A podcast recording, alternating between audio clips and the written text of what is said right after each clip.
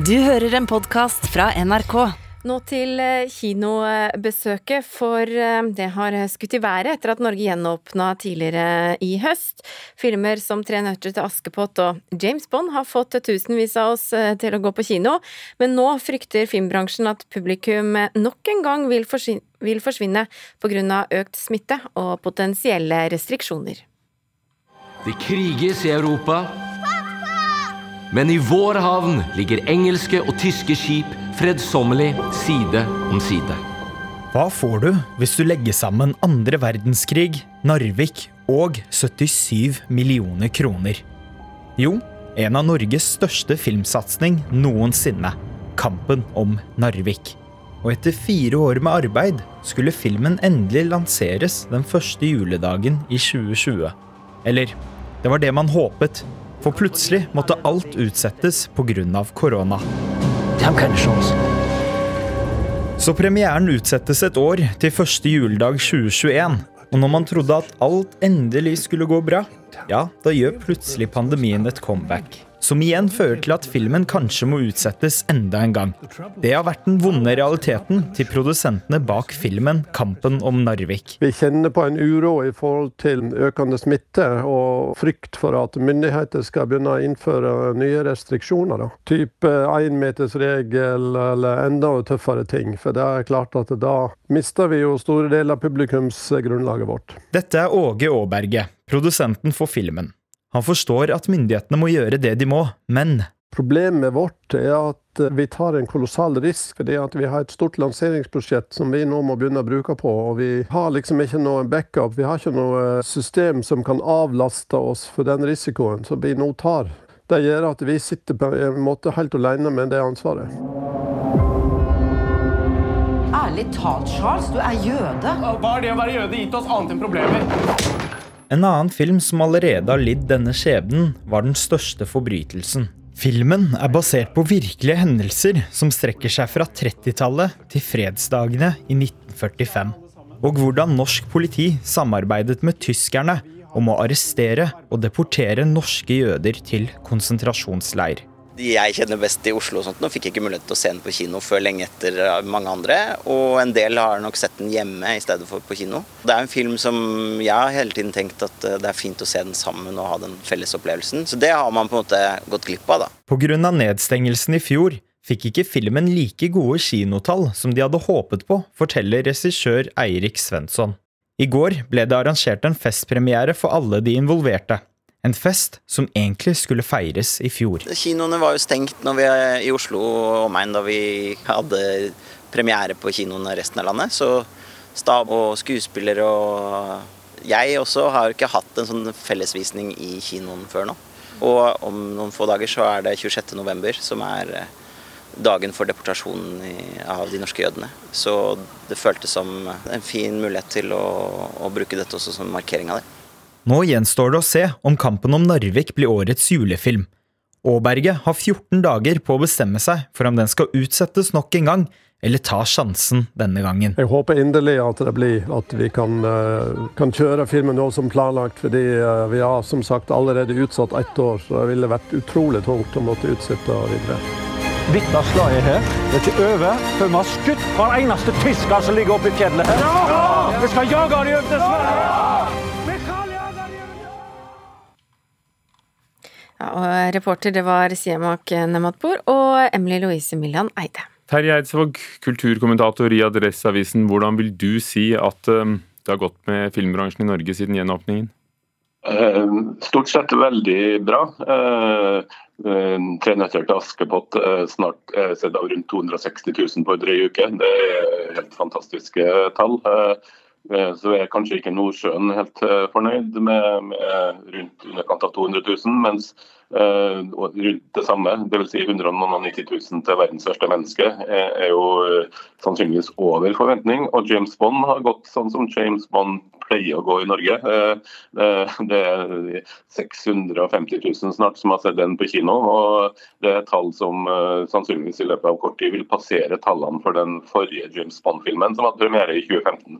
Så jeg vil si at kinobransjen så langt kanskje den delen av kulturlivet som har klart Eh, tilbakekomsten eh, etter, etter nedstengninga eh, best, bedre enn f.eks. konsert og de krisene vi har hørt om når det gjelder julekonserter. Så stort sett så har det faktisk gått bra, og den er nesten tilbake til normalt hvis du ser på tallene de siste månedene. Og så hørte vi filmprodusent Åge Aaberge lure på da, om de skal ta sjansen på julepremiere eller om de skal vente nok en gang. Hva, hva, hva ville ditt råd være, da? Eh, så frem til det ikke blir nasjonale tiltak, så tror jeg det beste rådet er å ha premiere. Eh, men klart at eh, jeg skjønner veldig godt uroa, og det er ingen tvil om at den største forbrytelsen ble veldig hardt ramma av det som da var nedstenging, særlig i Oslo. Men hvis det ikke er meteren og Rapporter både fra England og Tyskland tyder jo på at det har vært veldig lite smitte generelt på, på kino, også i, i fjor. Folk holder jo stort sett eh, heldigvis kjeft når de er på kino og man sitter på rekke. og Det, det, det er sannsynligvis en av de uh, kulturevenementene uh, hvor smittefaren er relativt liten. Uh, så hvis det ikke blir noen nedstenging av nasjonale tiltak, så vil jeg tro at, at, den, at Narvik gjør som James Bond. Men James Bond er jo kanskje det beste eksempelet også på hvordan pandemien har prega kinobransjen. Den skulle jo egentlig ha premiere i april i fjor. Eh, med, og når den endelig kom på kino i oktober i år, ett og et halvt år forsinka, så har den eh, varsla også det comebacket for, for, kinobransjen som mange hadde håpa på. Men det er lett å skjønne uroen. For Blir det nasjonale tiltak, så er det klart at det er veldig mye som står på spill for en så dyr norsk produksjon. som ja, har... Ja, det, det, er det ene, men også hvis den blir utsatt, så må den da kanskje konkurrere med alle Hollywood-filmene som, som ligger i anløp til en Oscar. og det og det betyr vel også noe for kinobesøket? Ja, nå Pga. at det er så mange storfilmer som har blitt utsatt frem til åpninga i, i, høst, så ligger den tett i kø. og Det er også et, også et problem hvordan man skal um, plasse Mange av de største amerikanske filmene kommer jo på kino i tidspunktet desember-mars i Norge, fordi de er med i det her posisjonere seg i Oscar-race. Eh, så det, det, er en nødt uh, uansett. Men, men, klart blir det en, uh, nasjonale tiltak i Norge og andre land, så er det flere ting som vil komme på, komme på vent, ikke bare Narvik. Men Terje Eidsvåg i Adresseavisen, sånn, sånn helt overordnet, hvis det ikke blir restriksjoner, blir det en god kinojul?